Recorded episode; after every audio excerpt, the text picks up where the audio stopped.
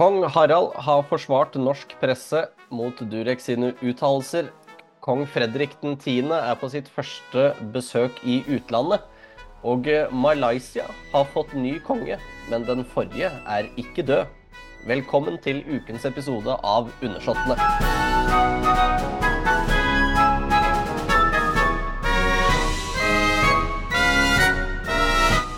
Alene sitter eh, ikke jeg, Ole Jørgen Schulzer Hansen. Jeg sitter her med Kristi Marie Skrede, journalist i NRK med ansvar for dekningen av kongelige. Velkommen. Tusen takk. Dette er ikke første gangen, eh, Kristi Marie, så nå begynner det jo snart å bli, bli vane. Veldig hyggelig vane. Setter veldig pris på å være med i dette programmet.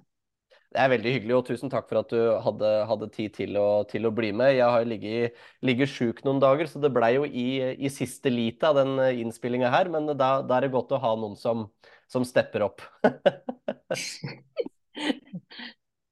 vi, skal jo, eh, vi skal jo begynne eh, litt eh, her hjemme med kong Harald, som det var vel da han var på besøk i Pressens hus hos faktisk.no at uh, kongen fikk et, uh, fikk et, spørsmål rundt, uh, rundt sjaman Durek, om at han mente hans uttalelser om at norsk presse skulle være imot han. og da sa kongen det har han nok ikke rett i, tror jeg, dersom han gjør det. Men han føler mye motgang. Ah, Norge, sier han.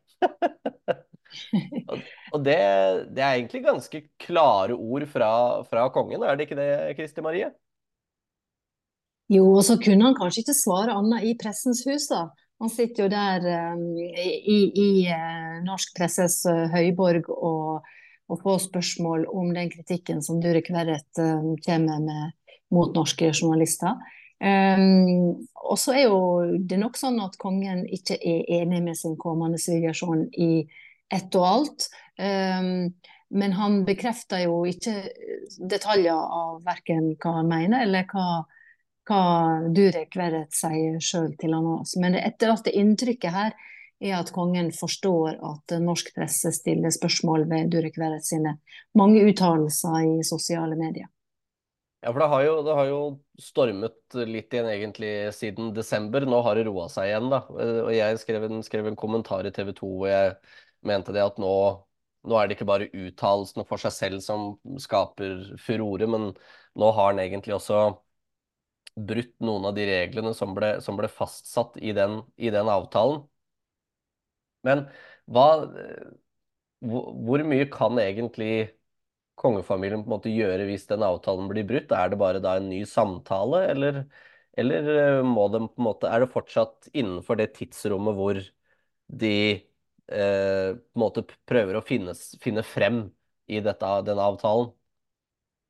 Nå, nå, har jo kongehuset vært veldig uh, avvisende når vi har spurt om kommentar til Durek Verret sine påstander, både om oppdragelse av barn og um, det han kom med i, i romjula om at uh, selvmord var resultat av at uh, folk var hadde ei selvmordsånd i seg og sånne ting.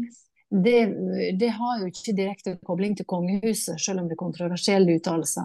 Så, så en kan ikke bli tatt på det. Men det at Døvik Verret filmer seg sjøl med kongehusets eller kongeparets monogram i bakgrunnen, er jo å koble han eh, ganske tett til, til kongefamilien og til kongeparet. Og en vet at de feirer jul i lag på Kongsseteren. Eh, så det er vel eh, visuell et brudd på, på, denne avtalen visuelt da, om at han ikke skal koble seg sjøl til kongehuset i, i, det han legger ut. Um, jeg vil tro at de vil å løse disse tingene med samtale seg imellom, og ikke ta det i offentligheten. Og hadde ikke det vært for at kongen satt der i Pressens hus framfor journalister med åpne mikrofoner, så hadde han helst ønska å ikke si noe om det. Men kongen eh, er konge i, i, Norge og svarer når pressa spør. Eh, og svarer da så mye han kan, men òg i formuleringa si her at ikke denne spliden, da, eller dette akselererer.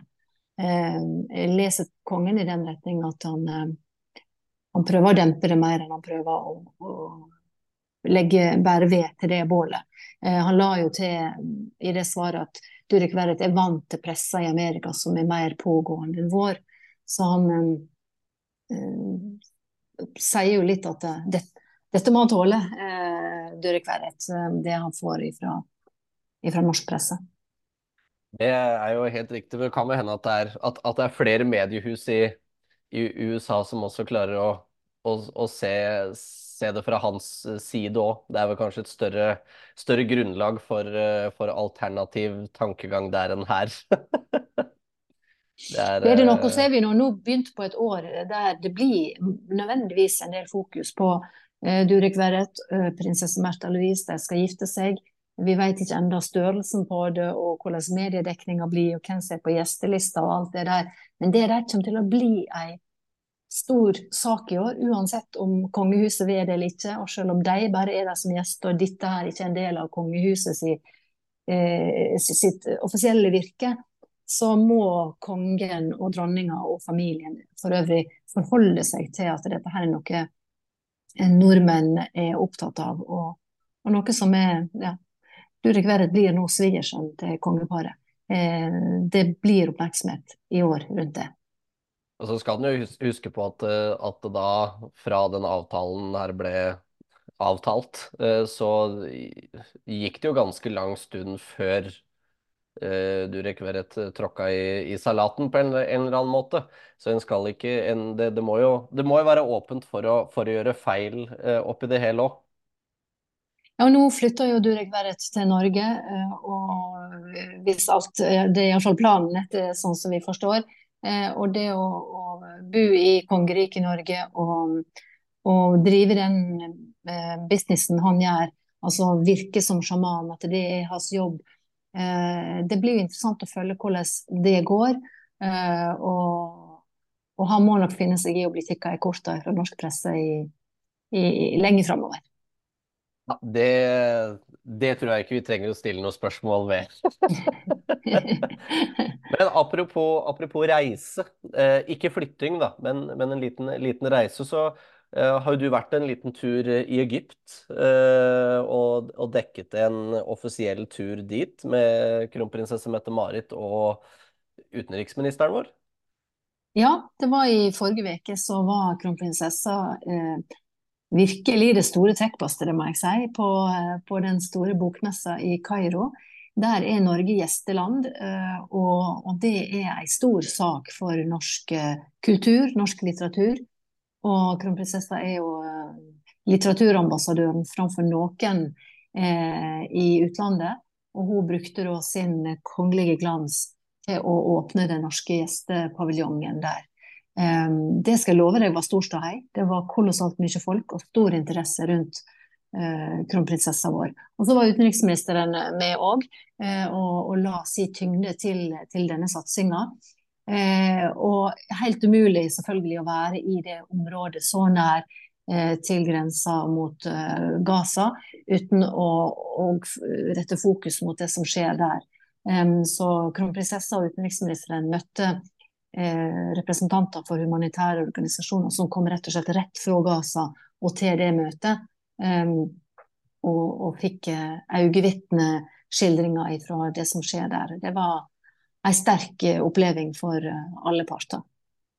Det må jo må være spesielt på en måte å skulle fremme norsk litteratur, og så er det ikke langt fra et område som som på en måte blir uh, her, herja med på den måten det blir. Som jeg antar at alle kan være enige om, uansett hvilken, hvilken side en står på. ja, og Det som ble framheva flere ganger fra både kronprinsesse og utenriksminister, er at det, det nettopp nå er viktig å, eh, å, å, peke mot litteraturen og kulturen og det som kan bygge forståelse mellom folk.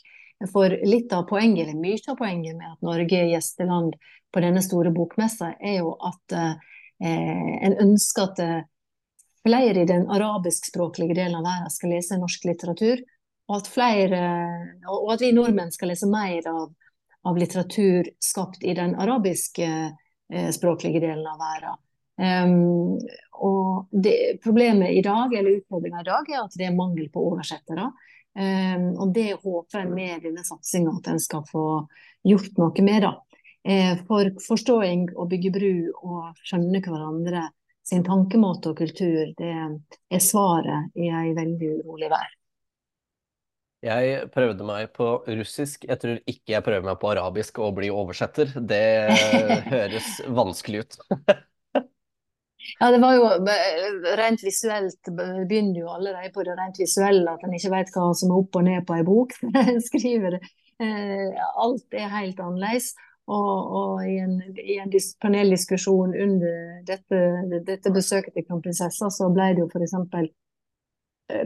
Uh, altså utfordringa uh, hvordan oversetter en Vigdis Hjorth sine tekster som omtaler incest og sånne tema til eh, arabisk, eh, der eh, kulturen er helt annerledes når det kommer til omtale av, eh, av sånne ting. Eh, så her er, her er mye som skal oversettes, eh, også mer enn språk, i, i, denne sammenhengen. Ja, det er jo å prøve å, prøve å lire opp i en kulturkrasj via litteratur, men det kan jo være spennende, det òg. Og spesielt viktig i, i denne tida er iallfall budskapen til Eh, til kronprinsessa og utenriksministeren. Det var veldig spesielt og veldig spennende å være med på, på den reisen der. Kronprinsessa reiser ikke på så mange lange eh, jobber eller, og, og, til utlandet lenger, eller iallfall nå. Så, så det her var en virkelig viktig prioritering fra hennes side. Ja, det var, det var, det var fint og var godt å se kronprinsessen ut, ute på en uh, lang tur òg. Det er jo tidvis at hun er litt satt ut av spill av denne, denne sykdommen. Så at det var, var overskudd til å, til å reise så, så, langt og bidra på noe så viktig, er jo fint å se. Det var absolutt. Og når kronprinsesse Mette-Marit bruker sin eh, posisjon på saker hun brenner for og kan mye om, da smeller det. Eh, hun er en, eh, en, en, eh, vel, en ambassadør for norsk litteratur som virkelig når igjennom også i egyptisk presse. Men det er jo ikke bare den norske kronprinsessen som har vært uh, ute på tur. For den rimelig ferske danske kongen òg har jo nå, eller er vel, uh, fortsatt på, sitt, på sitt, sin første utenlandsreise som monark. Kong ja. Fredrik 10. Er i, er i Polen. Men det er, ikke et eller det er et offisielt besøk, men det er ikke statsbesøk. Er det ikke det som blir riktig å si? Jo, dette er et besøk som var planlagt før tronskiftet i Danmark. Eh, han skulle på tur med dansk næringsliv. Eh, og, og, så dette her er jo sånn som han har gjort i mange år som kronprins. Eh, og skulle gjøre det som kronprins, og så plutselig så var han konge når, når, når datoen kom. Så, så, det er jo jubel i dansk næringsliv Eh, for at de får ta kongen på, med på den første utenlandsturen. De har store forventninger til denne kongen og håper at han skal bli en businesskonge.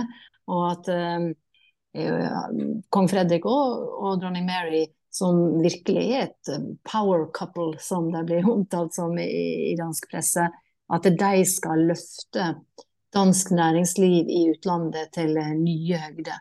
De har virkelig denne her star quality rundt seg eh, når det kommer til markedsføring av danske interesser. Og dronning Margrethe, som òg gjorde mange sånne næringslivsframstøt i sin tid som monark, sa eh, en gang at eh, jo da, det, det, gjorde hun gjerne, men hun så at kronprins Fredrik hadde, den gang kronprins Fredrik, eh, hadde det mer i seg å, å fronte business. Eh, så her er det store forventninger. Og kongen har jo signalisert eh, at eh, det han vil satse på i disse jobbene her, det er å, å jobbe for klimaendringer. Sette fokus på, på klimaendringene og grønn, kjempe for grønn omstilling. Så en konge med så tydelig agenda er kanskje ikke helt vanlig, men det har den nye danske kongen kommet med. Det er i hvert fall eh, en eh, veldig god start. Det danske kongehuset er jo veldig flinke til å bruke sosiale medier til å få ut informasjon om eh, taler og program og det som er. Så det, det har jo sett ut som det i hvert fall har vært mye å gjøre for, for kongen. Men en ting som jeg skulle ville spørre deg om, er jo Vet du om Sånn som kong Fredrik nå, da han skal selvfølgelig da først på et statsbesøk til Sverige, ettersom der sitter den lengstregjerende monarken i Skandinavia. Og så en tur til Norge på statsbesøk etterpå. Mm. Kan kong Fredrik besøke Norge i en offisiell kapasitet før et statsbesøk er gjennomført? Kan, øh, det er jeg ikke helt sikker på, men han kan jo komme privat hvis han vil på vinterferie, sånn som den norske kongefamilien ofte har vært i Norge. Eh, men det er vel vanlig, sånn som jeg forstår det, at um, det er statsbesøk først. Eh, at det er noen formelle um, greier rundt det. Eh, og at det da, som du sier, er Sverige først fordi han er lengstsittende, og så, og så Norge. For det, er de nære, både familiært og, og naboland. Um, og så er det òg en ting om, om det nye danske kongeparet bryr seg om alle disse reglene. Eh, så om, om, han nå eh, om han nå eh, gjerne vil på et klimaarrangement i, i, Kristiansand om en måned før han får uh, vært på dette statsbesøket, så er det ikke sikkert han ser så nøye på det hvis det besøket han da ville ha vært på, er, er viktig nok. Det, dette business-turen til Polen var planlagt, det er viktig. Så da gjør han det selv om det han rent formelt sett kanskje bør vært på statsbesøk til sine naboland først. Jeg vet ikke her. Ja. Det var kanskje et dårlig svar. Uh, men, Nei, det er, eh, men det er nettopp det. Jeg har ikke klart å finne noe, finne noe, godt svar på det heller, så det var derfor jeg ville, ville høre. Eh, for, for, i år så fyller jo Kongsberg 400 år. Og der vet jeg at Eh, kommunen har eh, invitert både da dronning Margrethe og daværende kronprinspar eh, til, til noe av disse festlighetene. Ettersom byen ble grunnlagt av Kristian 4. Mm. Så det hadde bare lurt på om jeg bare kunne stikke til en av nabokommunene her og sette nye kongeparet. ja, det har ikke jeg svar på Eh, faktisk. Men at dette blir et travelt år for det nye kongeparet, der de blir dregne i, i, fra alle kanter, det er jeg temmelig sikker på.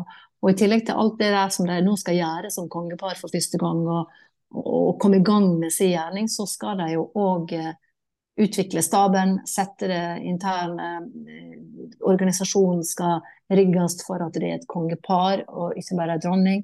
Man skal finne ut av så mye på Amalienborg, så Eh, så, men, så, det blir spennende å se om de prioriterer Kongsberg i, i et hektisk år. Ja, så får vi, får, får vi se hvordan, uh, hvordan, det blir å, å, være konge og dronning da, med syvende mor i huset i nabopalé i, løpet av, i løpet av året, om, uh, om abdikasjonen har funket i Danmark. ja, det blir, det blir, spennende å se. Det har jo ikke vært helt tydelig hva rolle dronning Margrethe skal spille nå eh, framover eh, ennå, så det, det, er nok mange spent på å se. Men eh, de kommer til å være synlige dette året her, og jeg tipper de kommer til å ta med seg Dannebrog når de kommer til Norge og seiler inn Oslofjorden, eh, og at det blir eh, praktfullt og stor hei når, eh, når det skjer. Det er i hvert fall et, et, godt tegn at dronning Margrethe ikke har vært så mye ute offentlig ennå. At det, det, blir en Eh, på en måte at Først så må du kalle det sementere dette tronskiftet før dronning Margrethe kan begynne å jobbe. Ja, jeg ser i programmet at hun skal ut på noen enkelte små oppdrag nå. Men ja, hun har jo, en, har jo, alltid hatt en veldig klar rolleforståelse. Så at hun har en rolleforståelse av at nå er hun eh, lengre bak i rekka, og nå skal hun slippe de nye fram.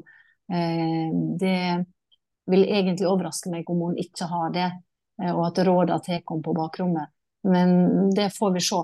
Jeg så eh, at eh, kong Fredrik har gitt sitt første intervju som konge i, på, under besøket til Polen, og der um, sier han jo at, uh, at han var veldig fikk en veldig god start med den mottagelsen han fikk på Kristiansborg uh, under tronskiftet 14.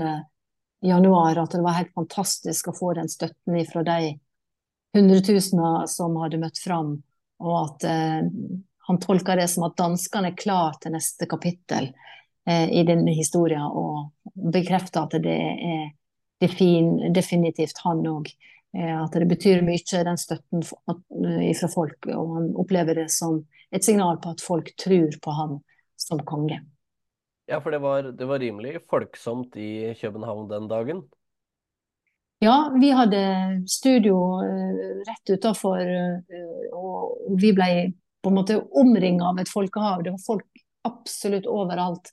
Um, det, og, og, adgangen inn til området ble stengt tre timer før den nye kongen kom ut på balkongen. Så der var virkelig, gikk danskene mann av huset for å, for å ønske det nye kongeparet velkommen i gjerninga og få med seg det der høytidelige og historiske øyeblikket. Og håpe at, uh, håpe at seiersrusen holder seg i hvert fall ut, uh, ut året. Det uh, har jo vært litt, litt, som har skjedd i, i Storbritannia òg, for både kong Charles og Catherine fyrstinnen av Wales har blitt utskrevet fra sykehus. Kong Charles fikk vi jo se bilder av med en gang, mens prinsessen av Wales så kom det bare en pressemelding. Og at prinsessen eller fyrstinnen nå har flyttet tilbake igjen til til, eh, til Windsor. Hva tror du det har å si for det britiske kongehuset at, uh, at hertuginnen, holdt jeg på å si, hertuginnen, fyrstinnen, hun er jo begge deler, uh, er det, satt ut av spill etter påske? Jeg tror at brittene, eller vet at britene er ganske bekymra for hennes helse. Operasjon i magen er ikke noe spøk. Og 13 dager på sykehus og så flere måneder eh, sykemelding før hun eh, da kanskje er forventa å komme tilbake.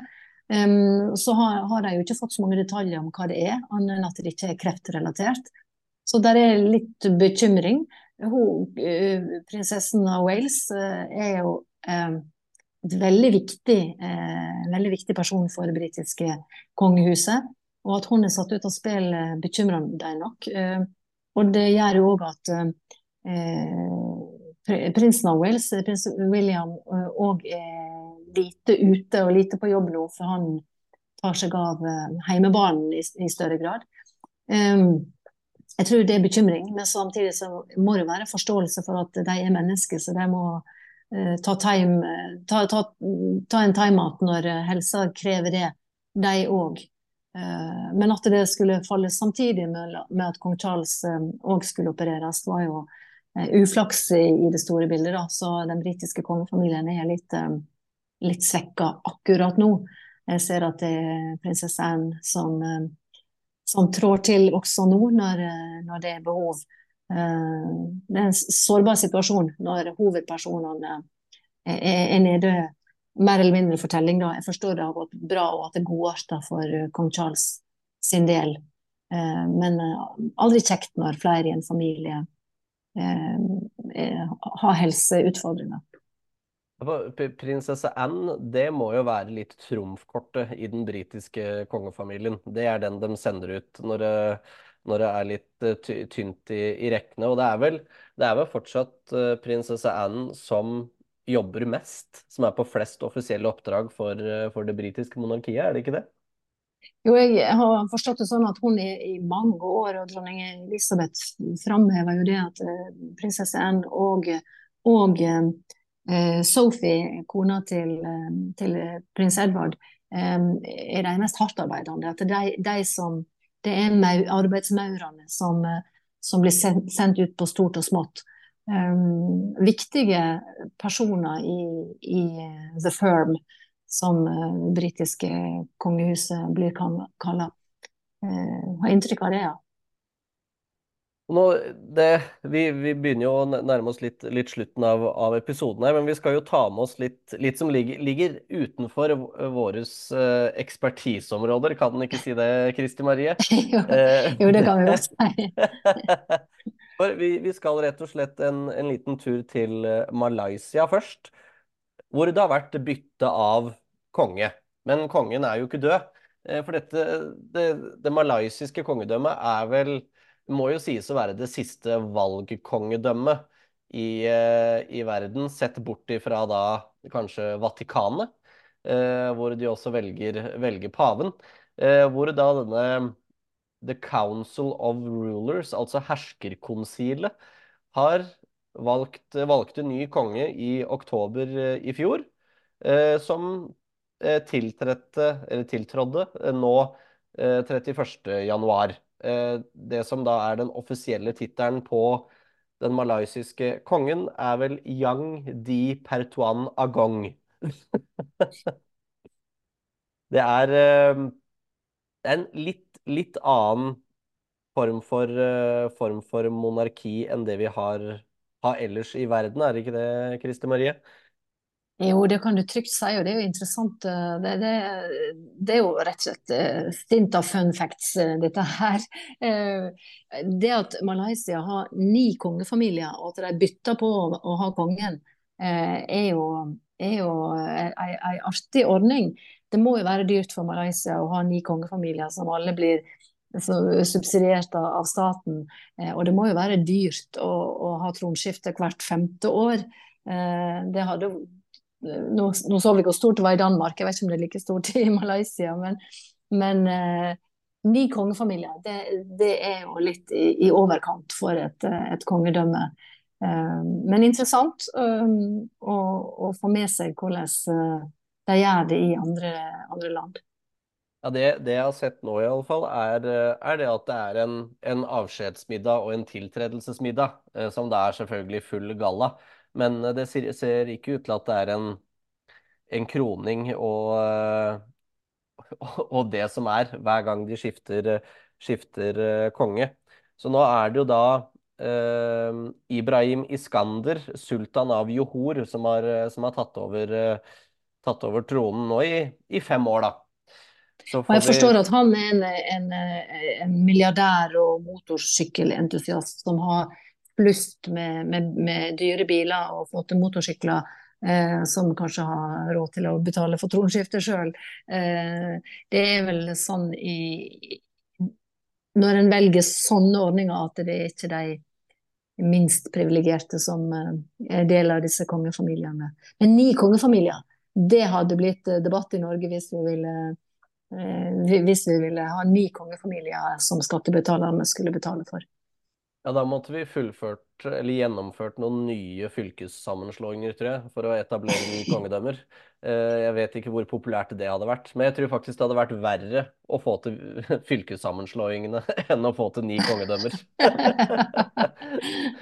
Det hadde jo gjort Norge til en sånn nesten sånn Game of Thrones-verden. Er det ikke der det er The Seven Kingdoms? Nå feirer vi jo landslova i året som, eh, som er den første felleslova, vi, og det er 750 år siden vi fikk den. Før det så hadde jo hvert område sin lov, Gulating og så videre. Eh, Så, så Vi har- jo vi har vært der. Der. Vi har vært der, men vi har lagt tilbake oss for mange år siden. Det er, eh, det er sikkert og visst. Og hvis noen er interessert i å høre mer om den eh, landslova og Magnus Lagabøte, da, som skrev den eh, landslova, så ligger det jo en episode sammen med hvor jeg intervjua Jørn Øyrehagen Sunde, en av eh, professorene i, i juss som eh, Eller rettshistoriker, er vel det han er. eh, Som har jobba mye eh, med og hatt ansvaret for, eh, for dette landslovsjubileet. Eh, Så den vil jeg absolutt anbefale. Men, han var jo eh, på Slottet i går, jeg bare nevner det. Han var jo på Slottet i går og hadde foredrag i statsrådssalen. Så det er, må jo være en stor ære for en rettshistoriker å få holde foredrag i statsrådssalen. Eh, Det er ikke ofte eh, den blir åpna for sådant, men eh, det skjedde i går. Ja, det er vel en, en direkte tilknytning mellom statsrådssalen og den landsloven, med hva som står på denne, denne lysekronen i jugendstil. Er det ikke Ja. 'land skal med lov bygges'? Jo, det er noe sånt, ja. Og det, det er vel fra, fra landsloven, hvis jeg husker riktig.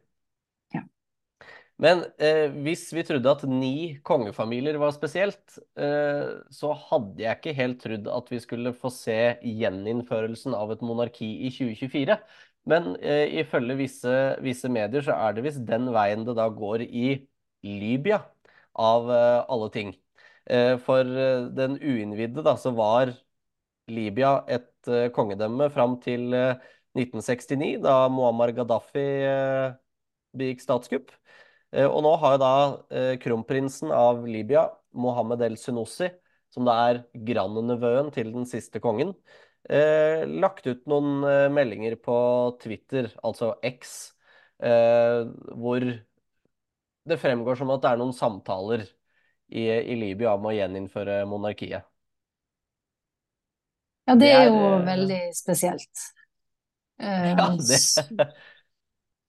det, det blir jo fre- fremstilt som at det, dette er for å skape stabilitet da, i et, i et land som ikke akkurat kan skryte av å ha hatt det eh, de, de siste, siste årene. Det begynte vel med den arabiske våren i 2011 og har vel det har roet seg mye siden da, men, men at det fortsatt er et ønske om å, om å samle landet mer, eh, fremstår det i alle fall som, da. Argumentet for monarki i, i, våre, på våre breddegrader er jo at det at det er stabilt og, og at det er fredelige nasjoner. Så det kan hende at de kunne trenge eh, den type innflytelse på nasjonen. Eh, Det blir jo da spennende å følge med på. Jeg ikke, jeg er ikke helt eh, inne i den libyske tankegangen rundt dette feltet. Men om verden får et nytt monarki i 2024, så, så blir det spennende å følge med på.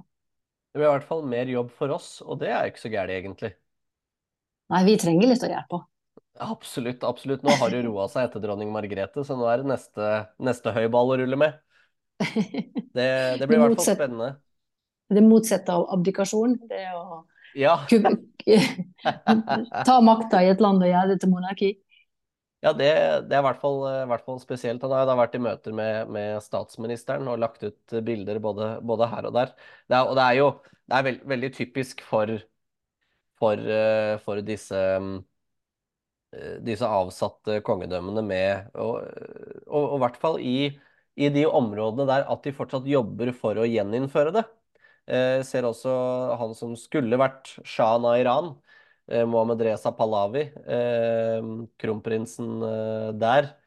Eh, han nå er veldig aktiv på å liksom fremme selvfølgelig da demokratiet og en endring av styre, styresettet i, i Iran, men også da at det skal komme som et, som et resultat av, eh, av eh, gjeninnførelsen av monarki, da. Men får han noe gehør? Det, det, det er det som er litt vanskelig, vanskelig å si. Eh, Det, det fremstår jo som at han eh, i hvert fall blir lyttet til, da. Eh, Om folk er enig, det, det har jeg ikke helt klart å, klart å, å fi, finne ut av. Men veldig aktiv på, på Instagram, en veldig stor følgerskare der. Eh, Og er en eh, sånn viktig, viktig brikke i å, i å fremme eh, skal, skal han kalle det persisk kultur, da, på en måte for å skille det fra, fra, fra, fra det systemet som, som er der nå. Eh, og han har jo eh, både kone og barn som også er, er veldig involvert i det. Men eh, jeg har jo prøvd å få han med i podkasten, men han er litt vanskelig å få tak i. Men eh, mitt inntrykk er jo at ekskongelige i tidligere monarki, eller de som er arvinger etter, etter kongelige i, i tidligere monarki, eh, gjerne jobber litt i kulissene og gjerne vil være, delta som i det gode selskap. Vi var med kronprinsparet i Etiopia i 2017. Og da kom det noen på hotellet der kronprinsparet bodde og presenterte seg som arvinger etter eh, etter tidligere kongelige og, skulle, og, og, og hadde mye på hjertet. Spørsmålet er jo om disse her eh, når fram med, med sitt ønske om å komme tilbake i posisjon. Det er vel Jeg har ikke hørt noe om folk som har lykkes med det, for å si det Nei, det sånn. er, det er, eh, det er litt sånn vanskelig, vanskelig å skille det fra hverandre, de som ønsker at de skal ha en posisjon, eller de som faktisk har en posisjon i landet. Eh, denne et, etterkommeren av Haile Selassie i Etiopia er nok ikke helt der. Eh, jeg, jeg følger også den offisielle Instagram-sida til, til den keiserfamilien. Eh, den er litt eh, den, er litt halvveis igjen. Men så har du jo europeiske land som eh, Romania og Montenegro, hvor den tidligere kongefamilien fortsatt har en, en funksjon i statsapparatet utenom at landet er et monarki. Eh, At, liksom at de er fortsatt landets fremste ambassadører, da. Eh, Det er veldig, ve veldig spesielt eh, det der. Sånn som Romania sendte jo hun som skulle vært dronning av Romania, til kroningen til, eh, til kong Charles. Ja. Og, og de greske ekskongelige og bulgarske og er jo alltid involvert eh, og invitert når det er store kongelige fester. Selvfølgelig slektsband og vennskapsband, men de de jo, blir jo omtalt med sine titler i, i, på gjestelista når de eh, blir omtalt. Så en gang kongelige, alltid kongelige i, i, i visse kretser. Ja, altså, men, men en ser jo det da at f.eks. kronprins Pavlos er jo fortsatt kronprins. Han blir jo nå ikke omtalt som konge av Hellas. Eh, så det er jo det er litt det, det, er noen sånne, det er noen sånne rare balanseganger her. Men eh, det blir iallfall eh, spennende å se, da. Det, jeg syns jo alltid det er fint med et nytt monarki. Norge var jo et uh, ish nytt monarki i 1905, i hvert fall med ny kongefamilie. Så vi får håpe at det gjentar seg et annet sted i verden. Det blir spennende å følge med. Det blir det. Det blir det. Og med det så har vi kommet til, til veis uh, ende i dag. Tusen hjertelig takk for at du var med, Kristi Marie. Takk for at du spurte, og god bedring. Uh, tusen hjertelig takk. Og til våre lyttere, vi lyttes.